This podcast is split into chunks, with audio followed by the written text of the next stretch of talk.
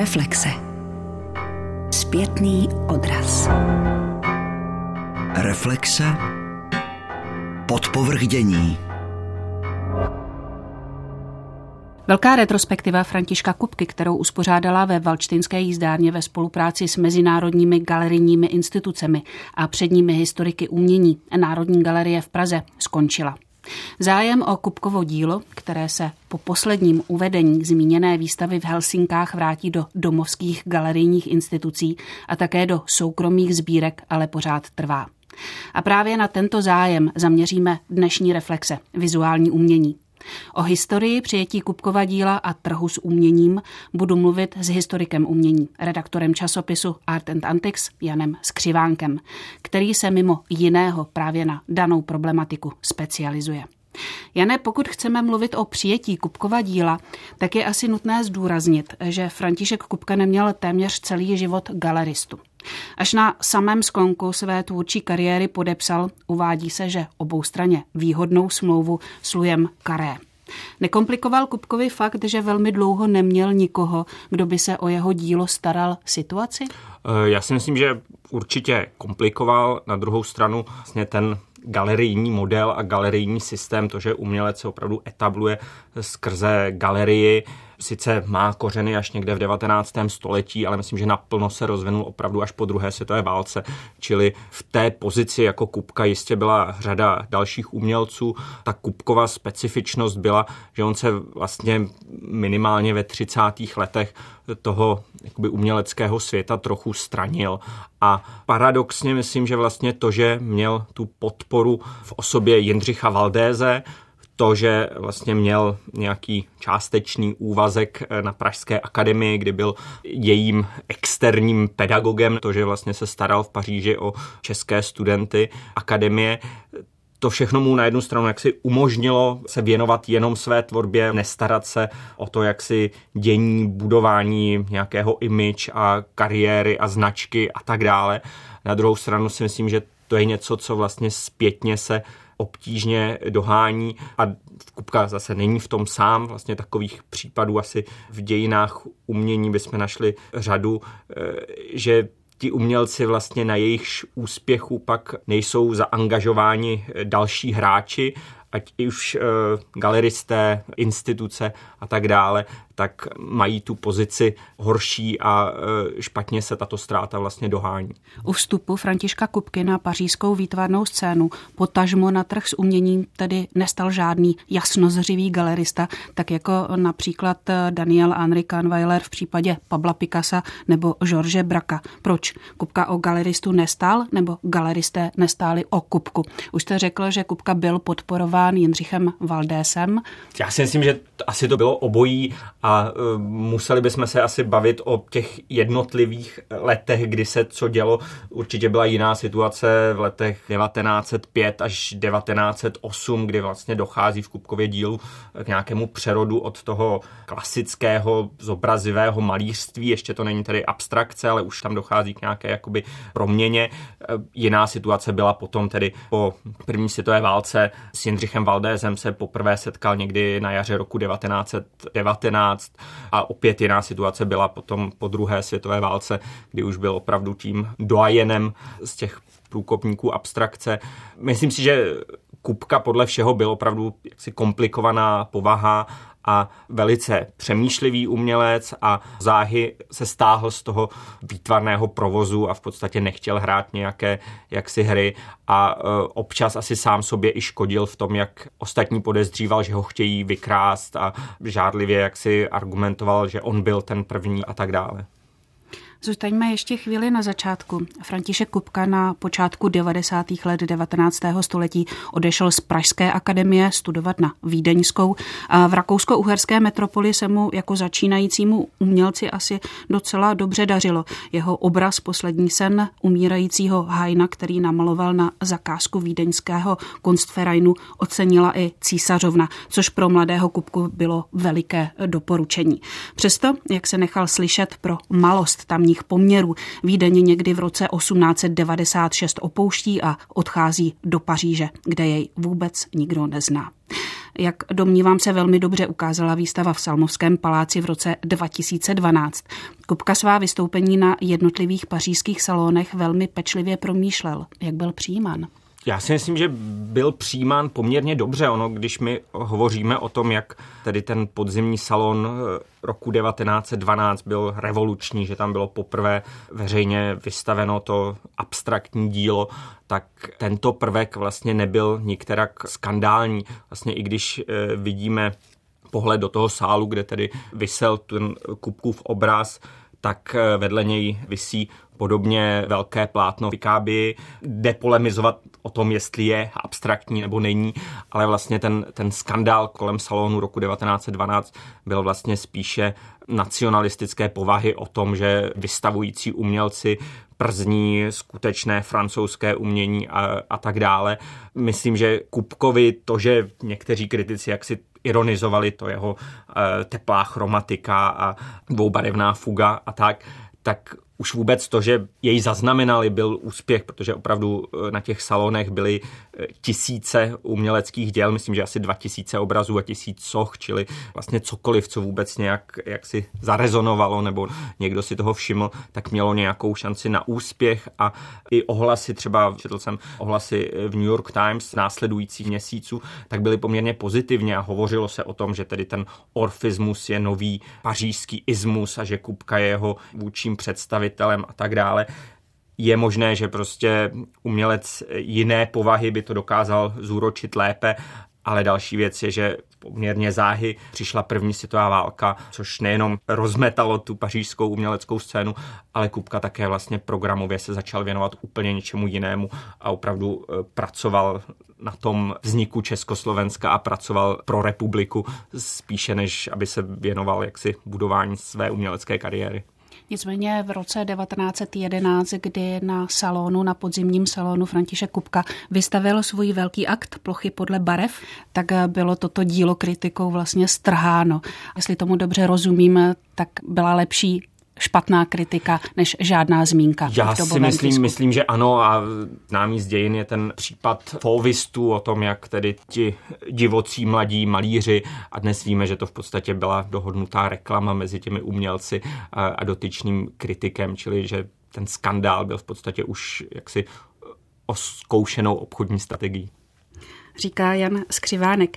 Proměnila se nějak situace v přijetí Kupkova díla právě po vystavení prvních dvou abstraktních obrazů na podzimním salonu v roce 1912, tedy amorfy dvoubarevné fugy a amorfy eh, teplé chromatiky? Já si myslím, že asi úplně radikálně ne. Ono v kontextu dobové teorie byl spor o to, co je kubismus, co je orfismus, jakou roli v tom má eh, futurismus a tak dále. Svým způsobem všechny ty směry řešily podobné problémy, přicházely k ním jaksi z jiných stran. Kupka v tom byl velice originální, ale těch výsledků, kterých se dobíral, tak byly v něčem podobné těm dílům například futuristů, byť on by asi to odmítal. Na druhou stranu máme to svědectví, že na dveřích ateliéru měl připíchnuté futuristické desatero, ale e, myslím si, že vlastně z dnešního pohledu je to trochu jedno. Je prostě jasné, že Kupka byl velice originální malíř, který opravdu se abstrakce dobral vlastní svébytnou cestou a vlastně zejména v těchto prvních letech před první světovou válkou byl v tom mnohem vlastně suverénější než například Vasilij Kandinský nebo Pete Mondrian. Jeho abstrakce jsou mnohem promyšlenější, sebevědomější a zajímavé je, že vlastně třeba toto hodnocení už v roce 36, kdy byla zásadní výstava vlastně od kubismu po abstrakci v Museum of Modern Art v New Yorku, tak kurátor muzea Alfred Barr vlastně takto tu ranou kubkovou tvorbu hodnotil. Bohužel nevíme, proč tehdy se nepokusil nějaké kubkovo dílo zakoupit eh, do sbírky, protože myslím si, že i to hraje v tom přijímání umělce roli, zkrátka, kde ty klíčové obrazy jsou k vidění, protože potom to je to, co ti kurátoři, kritici, historici umění, jak si mají na očích, s čím pracují, co je pro ně tím referenčním bodem, přes který vlastně interpretují tvorbu dalších autorů. Už je jednou potvrzeno. Eh, za poněkud komplikované bychom mohli označit také přijetí Kupkova díla českou avantgardou. Kupka byl prostě outsider. Fyzicky byl tedy v Paříži, nebyl příliš aktivní zase v budování těch vztahů a česká meziválečná avantgarda byla orientovaná eh, jinak, jednak přes filu na kubismus a eh, na Picassa a později vlastně na surrealisty kolem André Bretona a abstraktní umění vlastně z toho vypadávalo a krom kupky v meziválečném období byl tu Vojtěch Prajsik jako nesmírně eh, originální umělec, který také poměrně vlastní cestou se dobral abstrakce, byl tu František Foltín a pak v podstatě jsou to jako ojedinělá díla u jednotlivých autorů, ale vlastně abstrakce se zde nikdy neetablovala jako nějaký výrazný umělecký proud. Takže prvního většího uznání na domácí půdě se František Kupka dočkal až v roce 1946, kdy mu byla v pražské výstavní síni Mánes uspořádána velká výstava. Bylo to u příležitosti jeho 75. On měl předtím úspěchy vlastně ještě na počátku století, ale to byla v podstatě ta jeho ilustrátorská nebo satirická tvorba, to jeho abstraktní dílo v této formě vlastně eh, v Praze, myslím, předtím prezentováno nebylo. Také vlastně, když si vezmeme eh, tu aktuální výstavu Národní galerie První republika, která je vlastně dělána tím klíčem po jednotlivých výstavních institucí, tak František Kupka z toho podstatě vypadá. Na té výstavě je připomenut jenom jedním obrazem v souvislosti s výstavou v obecním domě. Rozhodně, když si člověk projde tuto výstavu, nebude mít pocit, že František Kupka byl tou nejvýraznější a nejoriginálnější osobností. Kupka tehdy pronesl v souvislosti s tou výstavou v roce 1946 také přednášku, kterou zaznamenal právě Český rozhlas. V jehož archivu se dodnes záznam kupkových myšlenek a hlasu nachází. No a tak došlo k mým pokusům v letech 1910-1911, eh, až potom jsem vystavil 1912 fugu dvojbarevnou a chromatiku teplou, která zbouřila celé prostředí malířů pařížských, bylo diskutováno. Já jsem dostával nadávky z jedné strany a z druhé strany přicházely pochvaly. A hned potom ovšem přišli taky stoupenci imitátoři, jejichž zájem byl v tom, aby mohli oni říct, že jsou původci tohoto nového umění. Ovšem potom museli mě držet stranou, jak mohli, aby přivedli sebe sami do jakési platnosti. Od té doby, které to je 30 let, se těch eh, mých stoupenců tak rozmnožil, že letos už byl založen salon nových realit. Můj příjezd do Prahy a všechny práce, které jsem přines, jsou malby, bylo to na požádání ministerstva samého, abych dal věci z mého mládí až do posavat, teď do mých 75 let. Tady tam budou věci konvenční, jak jsem se naučil na škole, jak se to tradičně doposavat dělalo. Ale je tam asi 130 maleb, které jsou už docela ten nový kupka, a které sami o sobě už můžou držet eh, dost dobré místo v oboru umění.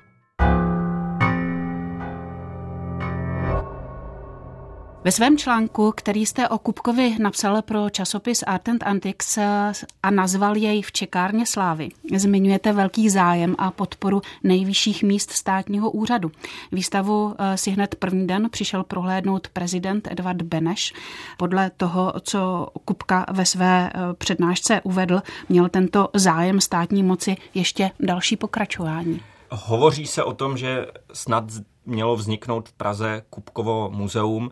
Bohužel neznám eh, ten zdroj, ale pravda je, že ten rozsah toho státního nákupu, myslím, že stát zakoupil na 20 obrazů, zejména ta opravdu klíčová a nejlepší Kupkova díla, která byla k dispozici, tak podle mě naznačuje, že opravdu umělec v tomto věku už tedy si říkal, dobře, tak eh, ať je o můj jaksi odkaz eh, postaráno, ať je to někde jako reprezentativní celek. Bohužel asi udělal trochu chybu, že, eh, že vsadil na Prahu která v zásadě i souhrou historických okolností o dva roky se mění politický režim. Tento typ umění se ocitá úplně eh, v nemilosti a ta jeho díla se tak stávají nedostupná pro svět. Já ještě, když jste zmínila ten můj článek, tak ten titulek e, není vůbec originální. Je to citace z jednoho staršího textu Ludmily Vachtové e, z 90. let a Ludmila Vachtová byla v roce 68 tedy tou první autorkou, která napsala jaksi ucelenou Kupkovu monografii a myslím, že je v mnoha směrech dodnes jaksi nepřekonaná. Já jsem opakovaně narážel na to, že když jsem něco si sformuloval a vymyslel, co bych tak řekl o Kupkově díle, tak pak jsem narazil na nějaký eh, text Ludmily Vaktové, kde je jaksi stejný postřeh formulován mnohem pregnantněji a přesněji. Myslím, že v tom ona je výjimečná i v celém kontextu české kunsthistorie té schopnosti věci pojmenovávat velice přímočaře a originálně neschovávat se za množství slov, ale jít opravdu po podstatě věci. Hmm. Vraťme se ale ještě k tomu státnímu nákupu, který eh, jste zmínil a který také zmiňujete ve svém článku nákupu z roku 1946. Tehdy český stát pořídil obrazy jako například podzimní slunce, klávesy, piana a také amorfu dvoubarevnou fugu. Mimochodem ví se, kolik český stát tehdy zaplatil za první na světě vystavený abstraktní obraz? Myslím, že to bylo asi půl milionu korun a bylo to vlastně desetkrát tolik, co třeba ta jiná abstraktní plátna Kupkova, čili eh, je vidět, že Kupka si toho obrazu považoval a ostatně on i tu výstavu vlastně koncipoval, že jak si první část byly to, čemu on říkal konvenční malby a potom vlastně ukazoval tu cestu k amorfě. To je dodnes velice vlastně opakovaný nebo používaný klíč jaksi interpretace Kupkova díla, vlastně představení toho, co předchází tomu abstraktnímu obrazu. A třeba pro mě je vlastně i toto na Kupkovi velice inspirativní, že ten celek jeho díla působí velice jakoby sevřeně od eh, pro mě je to druhý břeh nebo břeh Marny, obraz z roku, myslím, 1895. V podstatě na jednu stranu konvenční krajina 19. století, na druhou stranu už v tom, jak je, řekněme, geometrizovaná, v tom, jak jsou to v podstatě jenom geometrické plochy, tak jde číst jako náznak těch věcí příštích a takový drobný detail, který mi přijde vypovídající je, jak vlastně stále zůstává ta stejná signatura, takové to secesní vlnovkovité K a ať je to tedy tento obraz roku 1895 nebo potom takové ty minimalistické abstrakce z 30. let, kdy vrcholí to, myslím, že se obraz jmenuje abstraktní malba. Pokud se ještě vrátím k tomu nákupu v roce 1946 dalo by se předpokládat, že takto velkorysý nákup umění vycházel z kladného přijetí Kupkova díla. Jaké byly recenze na výstavu v Mánesu? Uh, recenze byly pozitivní ale bylo to spíš jaksi povinné vzdání úcty celoživotnímu dílu zasloužilého umělce. Bylo tam jaksi řada pochvalných prvků zdůrazňována opravdu ta jeho výjimečnost i v kontextu jaksi pařížské školy ale zároveň, že je to nějaké cizí, že to nějak nikam nevede a tak dále. Rozhodně to nebylo bezproblémové, odrážela se v tom vlastně eh, celá ta prvorepubliková zkušenost českého výtvarného umění, české kritiky, která v podstatě nebyla s takovými to díly jaksi konfrontována. A častou výtkou byla, že, že to dílo je v něčem secesní. Ve svém článku v Čekárně slávy zmiňujete také slova sochaře a architekta Maxe Bila, který připomíná starou známou věc, že o tom, zda se umělec stane známým, rozhoduje nejen talent a to, co umí, ale také způsob, jak na sebe upozorňuje okolní svět. O to se podle výpovědi Maxe byla Kupka pramálo staral. Doslova píše, mezi ním a obchodem s uměním neexistují žádné za zmínku stojící vztahy. Kupka si prý tohoto článku velmi, velmi považoval, ale zase je ilustrativní, je to e, článek, který vyšel ve švýcarském časopisu Werke a tam vyšel v takové rubrice krátké zprávy a měl dva, tři sloupce, ani ne celou stránku a ve stejném ročníku vlastně vyšly mnohostránkové profily Kandinského, myslím, že i Roberta Delauneje, čili my dnes tento text citujeme, protože myslím, že velice hezky postihuje tu kubkovou pozici, ale e, nebyla to zase to stvrzení a to potvrzení jeho pozice, bylo to jaksi vyjádření respektu jednoho konkrétního autora. Je fakt, že František Kupka byl v souvislosti s průkopníky abstraktního umění, a teď jste to řekl, jako byl Kandinský, Mondrian nebo například Malevič do určité míry opomíjen. Byla situace ohledně přijetí Kupkova díla stejná i za oceánem ve Spojených státech? Eh, já si myslím, že s tím opomíjením je to asi těžší. Ono v těch poválečných letech, v momentě, kdy tedy podepsal tu smlouvu, tak vlastně se začal objevovat a kdybychom jaksi měli říct profil, kde by se měl objevit, aby byl uznán za toho průkopníka abstrakce, tak on se v podstatě všude objevil, ať to byla tedy první dokumenta v německém Kasselu nebo rok po jeho smrti velká výstava 50 let moderního umění, která se konala v rámci Expa 58 v Bruselu, tak tam všude Kupka byl zastoupen ale ně, nějakou souhrou okolností se stalo, že dál to pak nevedlo, nebo v nějaký moment to skončilo. Myslím si, že roli v tom hraje, že ta nejlepší díla byla v Praze a potom velký vlastně konvolu děl se dostal do eh, dnešního Centre Pompidou, ale na druhou stranu se budu zase trochu odporovat, není to tak, že by, eh, že by v soukromých rukách těch děl bylo málo. Před pár lety vyšel soupis kubkových olejomaleb a z něj vyplývá, že zhruba třetina jeho obrazu je eh, vlastně v soukromých rukou, čili ten prostor na nějakou práci s tím byl a myslím, že galeristé se snažili a nevím, v který moment se to zlomilo. Vy jste teď eh, vzpomněl období po druhé světové válce. Jak to vypadalo ještě před ním? V roce 1936 bylo Kupkovo dílo eh, součástí velké výstavy eh, v New Yorkském muzeu moderního umění. Ano, tam právě Alfred Barr hovořil o tom, že tedy Kupka je jedním z těch průkopníků abstrakce a že v té jeho tvorbě z let 1911 eh, až 13 je vlastně mnohem suverénější než Kandinský a že vlastně v jediném roce, v tom roce 1912, maluje dva obrazy, které nastěňují tu problematiku abstraktní malbě, což je jednak tedy amorfa, kdy je to nějaké jaksi kruhový výřivý pohyb nebo i organické tvarosloví a druhé jsou vertikální plány, které vlastně pracují čistě s geometrickými liniemi nebo plochami. Čili ten respekt tam byl, Jiná věc je opět byl na té výstavě zastoupen eh, méně díly než například Kandinský a Mondrian. Otázka je, jestli muzeum o ně neměla zájem, nebo Kupka je nechtěl poslat do New Yorku, protože vlastně o pár měsíců později pak měl velkou výstavu v Paříži spolu s Alfonsem Muchou, který byla taková dvoj, eh, dvojvýstava významných Čechoslováků. A například právě eh, dvojbarevná fuga na té výstavě v New Yorku byla připomenuta jenom ve fotografii. V americké sbírce patrně e, zůstal jediný obraz e, Newtonovy kotouče. Tam je zajímavé, že jde předpokládat, že tím, kdo to dotyčnému americkému sběrateli vlastně doporučil ke koupi, e, byl nejspíš Marcel Duchamp, který byl vlastně jeho blízkým přítelem a Kupku znal právě ještě z Paříže, kde bydleli vedle sebe nebo sdíleli zahradu.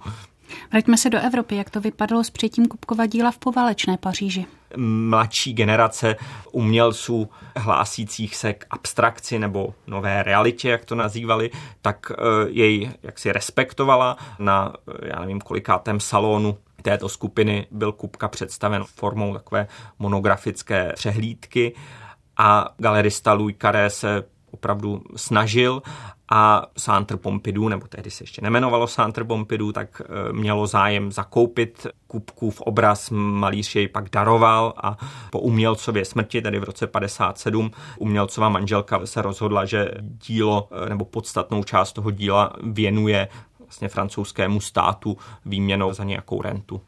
Kupka s Lujem Karé podepsal smlouvu v roce 1951 a v 50. letech Kupkova díla začala nakupovat také New Yorkská MoMA, která vlastně v tom roce 36 nic nekoupila.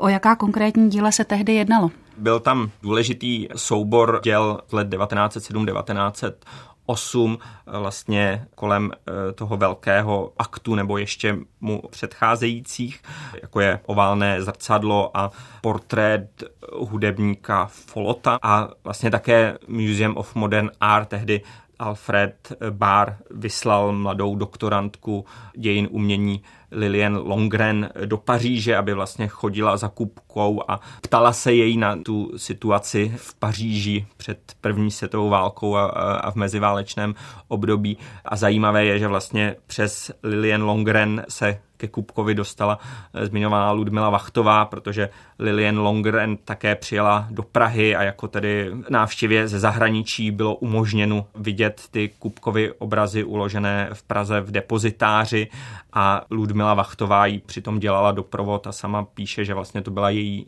první šance ty obrazy vidět naživo. MoMA potom tedy nakoupila několik obrazů. Kupka současně muzeu věnoval vlastně velký soubor krezeb a kvašů, v podstatě jakoby dokumentace té cesty k amorfě v tom smyslu, že to jsou vlastně různé barevné variace na to, co pak je ten výsledný obraz dvoubarevná fuga. Zmínil jste, že eh, k tomu nákupu patřil také obraz Oválné zrcadlo, který František Kupka eh, namaloval mezi lety 1910 až 11. A právě tohoto obrazu se New Yorkské muzeum moderního umění před třemi lety zbavilo. V tichosti jej privátně prodalo do Švýcarska. Jak lze tento krok významné světové galerijní instituce číst? O čem to vypovídá? Tohle je vlastně věc, na kterou jsem náhodou narazil v souvislosti s tou nedávnou výstavou, kdy jen jsem si všiml, že v Praze ten obraz nebyl, on byl zapůjčen na výstavu v Paříži a v Praze již ne, ale je tedy zmiňován v katalogu a všiml jsem si, že je tam uváděn jako zápůjčka ze soukromé sbírky ze Švýcarska, byť ještě v roce 2012, kdy se tedy eh, konala na Pražském hradě v Salmovském paláci ta výstava Cesta k Amorfě, byl jako zápůjčka z MoMA. Psal jsem tedy v této věci dotaz eh, do muzea, potvrdili tedy ten prodej a jenom mě odkázali vlastně na jejich standardní pravidla týkající se vlastně vyřazování děl ze sbírek a mají v podstatě přístup k tomu, že pokud jsou díla v nějakém smyslu duplicitní, takže si mohou ponechat jenom ten lepší příklad a to méně kvalitnější mohou prodat. Čili jejich pohled je, že tedy ten portrét hudebníka Folota je tím cenějším z těchto dvou obrazů a tento tedy nabídli k prodeji. Snad, eh, jak si o tom věděli i někteří čeští sběratelé a zvažovali koupy, nakonec té možnosti nevyužili a obraz skončil tedy ve Švýcarsku a ta cena se snad měla pohybovat kolem 4 milionů dolarů, což by samozřejmě bylo asi dvojnásobek toho, co je Kupkův aukční rekord ale ve srovnání tedy s cenami Ondriána Kandinského eh, Maleviče to není nějak ohromující částka.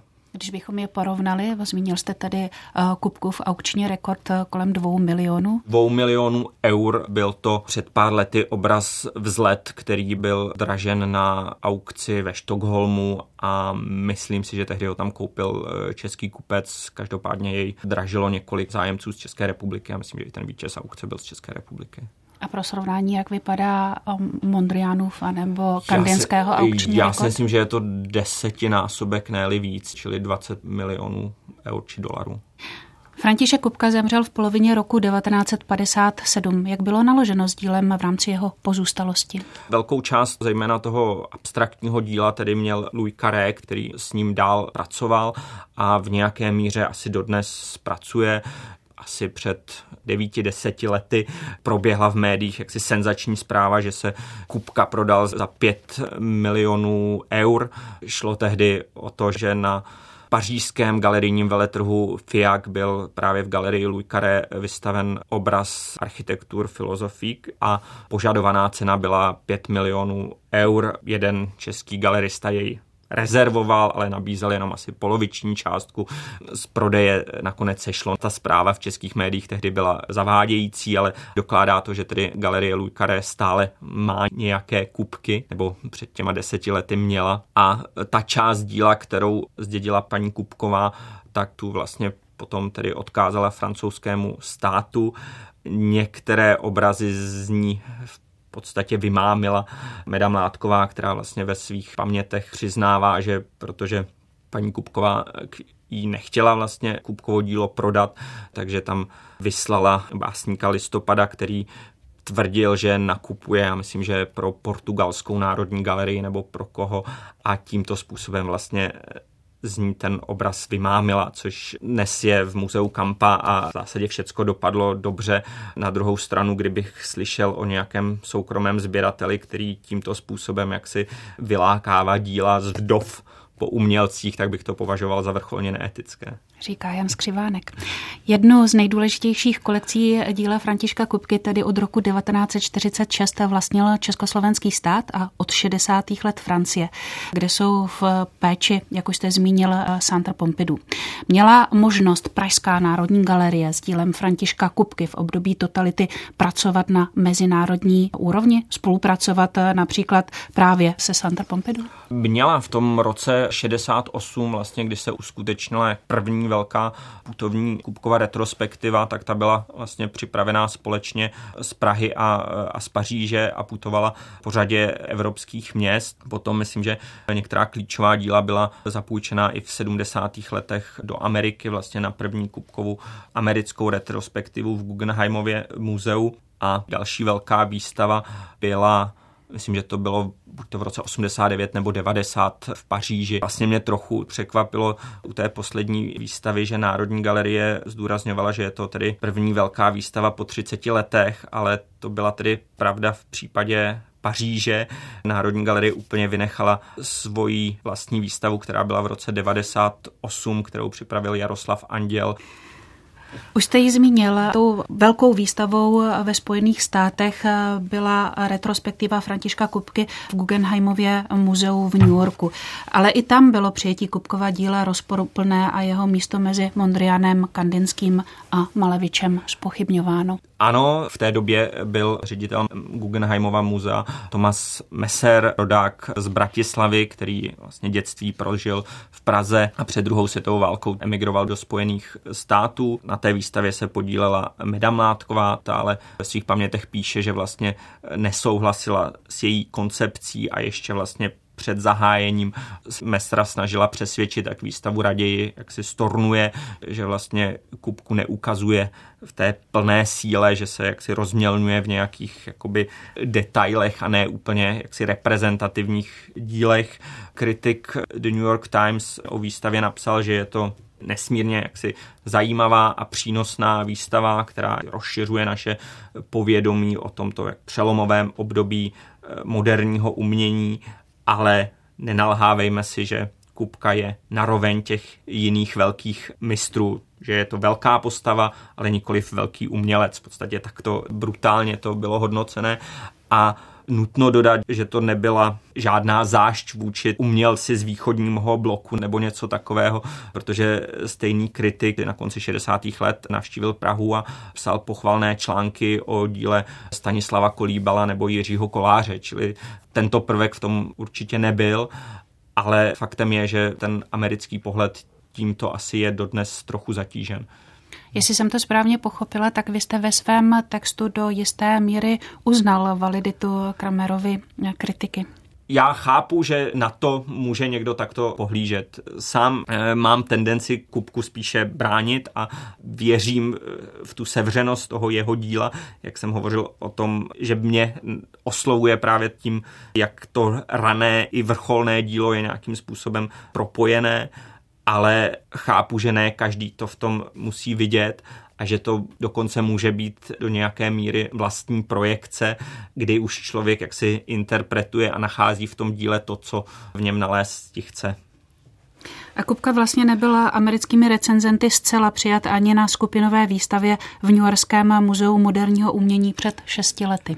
Ano, což bylo také zajímavé v tom, že Kupkův obraz byl titulním dílem, které mělo Museum of Modern Art na plagátě. Byl to jeden z těch obrazů lokalizace grafických sil a řada recenzentů jak si o výstavě psala, aniž by Kupku měli potřebu zmínit. Někteří jej zmínili dosti negativně, jen jej odbyli. Tam já si myslím, že je přesně to, že pokud vidí tři, čtyři obrazy bez nějakého jaksi širšího kontextu kubkových východisek, takže jim můžou připadat vlastně nějakým způsobem zmatené, nevyhraněné, ale tam bych zase viděl, že je to naopak ta projekce z jejich strany, že to dílo, které znají, protože s ním byli častěji konfrontováni, tak vlastně hodnotí výše, protože tam chápou a znají celý jeho příběh, zatímco toto se jim pak jeví jako nějaká velká počmáraná plátna. Ovlivňují tyto přehlíživé kritiky cenu díla Františka Kupky na trhu s uměním? Já si myslím, že to ani příliš ne, že z pohledu institucionálního uznání, tak Kupka je opravdu jako v těch přehledech zmiňován jako ta významná postava, ale těch umělců, kteří jsou opravdu všeobecně nějakými sdílenými ikonami, kdy téměř kdekoliv na světě budou diváci jaksi vědět, kdo to je, tak těch je z celých dějin umění, nejenom z moderního umění, opravdu jenom pár a tam Kupka jaksi není a ty ceny pak ovlivňují prostě jiné věci než nějaké odborné nebo kritické docenění. Je to v podstatě kupování si nějakých trofejí, potenciálních kupců, kteří mohou jaksi utrácet desítky milionů dolarů za umělecká díla je celkem jaksi omezený počet a když se budou vzájemně přebíjet, tak ty ceny mohou jaksi šplhat do rekordních výšek, ale budou tak činit jenom vlastně u věcí, které jsou široce známé. Kupka je z tohoto pohledu spíše jaksi záležitostí pro nějaké fajnšmekry a znalce a proto je tedy na těch desetinových částkách proti těm jiným svým souputníkům. Dá se ve zkratce říct, jak se tady vyvíjel trh s kupkovým dílem v závislosti na jeho přijetí? V České republice se kupkovy obrazy objevují od roku, já myslím, 2004, kdy vlastně v rámci restituce Valdézovy sbírky nejprve bylo prodáváno všechno ostatní a až potom v tom roce 2003 nebo 2004 byl poprvé nabídnut Kupka také v aukci. Modrá kompozice byl, myslím, ten první abstraktní obraz, který byl dražen a byl nabízen za tehdy fantastickou cenu 6 milionů korun. Já si pamatuju, jak tedy celý ten sál v hotelu Intercontinental, jak si čekal, co se bude dít, nedělo se nic, nikdo neprojevil zájem, obraz se vrátil zpět a publikum to jenom komentovalo jako no, to je prostě šílená a nesmyslná částka. O deset let později se jiný obraz srovnatelného formátu eh, prodal, myslím, za 15 eh, milionů korun a dnes je ten rekord kubků na českých aukcích 62 milionů korun, takže ten vývoj byl opravdu výrazný, rychlý, ale ty prodeje zdaleka nebyly samozřejmé. Když hovoříme o cenách nebo o nákupech, tak vlastně pro mě bylo na té nedávné výstavě velice zajímavé to poměrně ucelené představení tedy toho Kubkova poválečného díla, té jeho tvorby z 50. let a vlastně tam se ukazuje, že je zásadní mezera, že jak má Národní galerie reprezentativní kolekci toho nejlepšího skupky od jaksi nultých let do třicátých let, tak vlastně z té poválečné tvorby nemáme nic a myslím si, že by se měl stát snažit něco z toho koupit. Několik těch vystavených obrazů je tedy v českých sbírkách, takže nemusíme být z toho úplně nervózní, ale myslím si, že Kupka by si tedy zasloužil mít eh, někde ten ucelený soubor a, a že by to byla role Národní galerie. Znamená to, že poválečné Kupkovo dílo se nachází ve směs v soukromých sbírkách? Myslím, že ano, možná je něco v Centre Pompidou, ale tím, že vlastně ty zdroje, co má Národní galerie, tak byl jednak ten státní nákup, jednak vlastně potom vykoupení části Valdézovy sbírky v roce 99, tak tohleto pozdější dílo tam vlastně není. Zmínil jste poslední velkou retrospektivu Františka Kupky v Grand Palais, která se přesunula do Národní galerie v Praze, tedy do Valštejnské jízdárny a teď je v Helsinkách. Mají tyto velké retrospektivy vliv na cenu díla těchto vystavovaných umělců? Asi trochu mají, ale v zásadě si myslím, že radikálně nemění Kupkovou pozici. Nebral bych to tak, že díky výstavě nyní ceny skokově se zvýší. Ono e, zásadní roli také hraje vůbec to, jestli se nějaký obraz objeví na trhu. V loňském roce byly na světových aukcích dvě kubková abstraktní plátna a to je tak, co se většinou objeví. Když, e, myslím, před třemi lety se objevily čtyři obrazy za rok, tak to byl opravdu svátek, jinak je to jeden, dva kusy maximálně. Našlo podle vás Kupkovo dílo už definitivní pozici ve světových dějinách umění a na trhu s uměním nebo na své skutečné uznání a ocenění teprve čeká? Já si myslím, že ani jedno, že jednak, že nic takové jako definitivní pozice neexistuje, že ten příběh dějin umění je vyprávěn stále znovu a, a znovu a, a nacházíme si v té minulosti to, co je pro nás relevantní a inspirující, čili v tomto smyslu myslím, že se to bude stále trochu posouvat, myslím, že by to bylo taky radikálně převyprávěno, ale budou se měnit ty akcenty a myslím si, že Kupkovo dílo zůstává zajímavé a inspirující a bude oslovovat i další generace. Uzavírá historiku mění redaktor časopisu Artentantix Jan Skřivánek.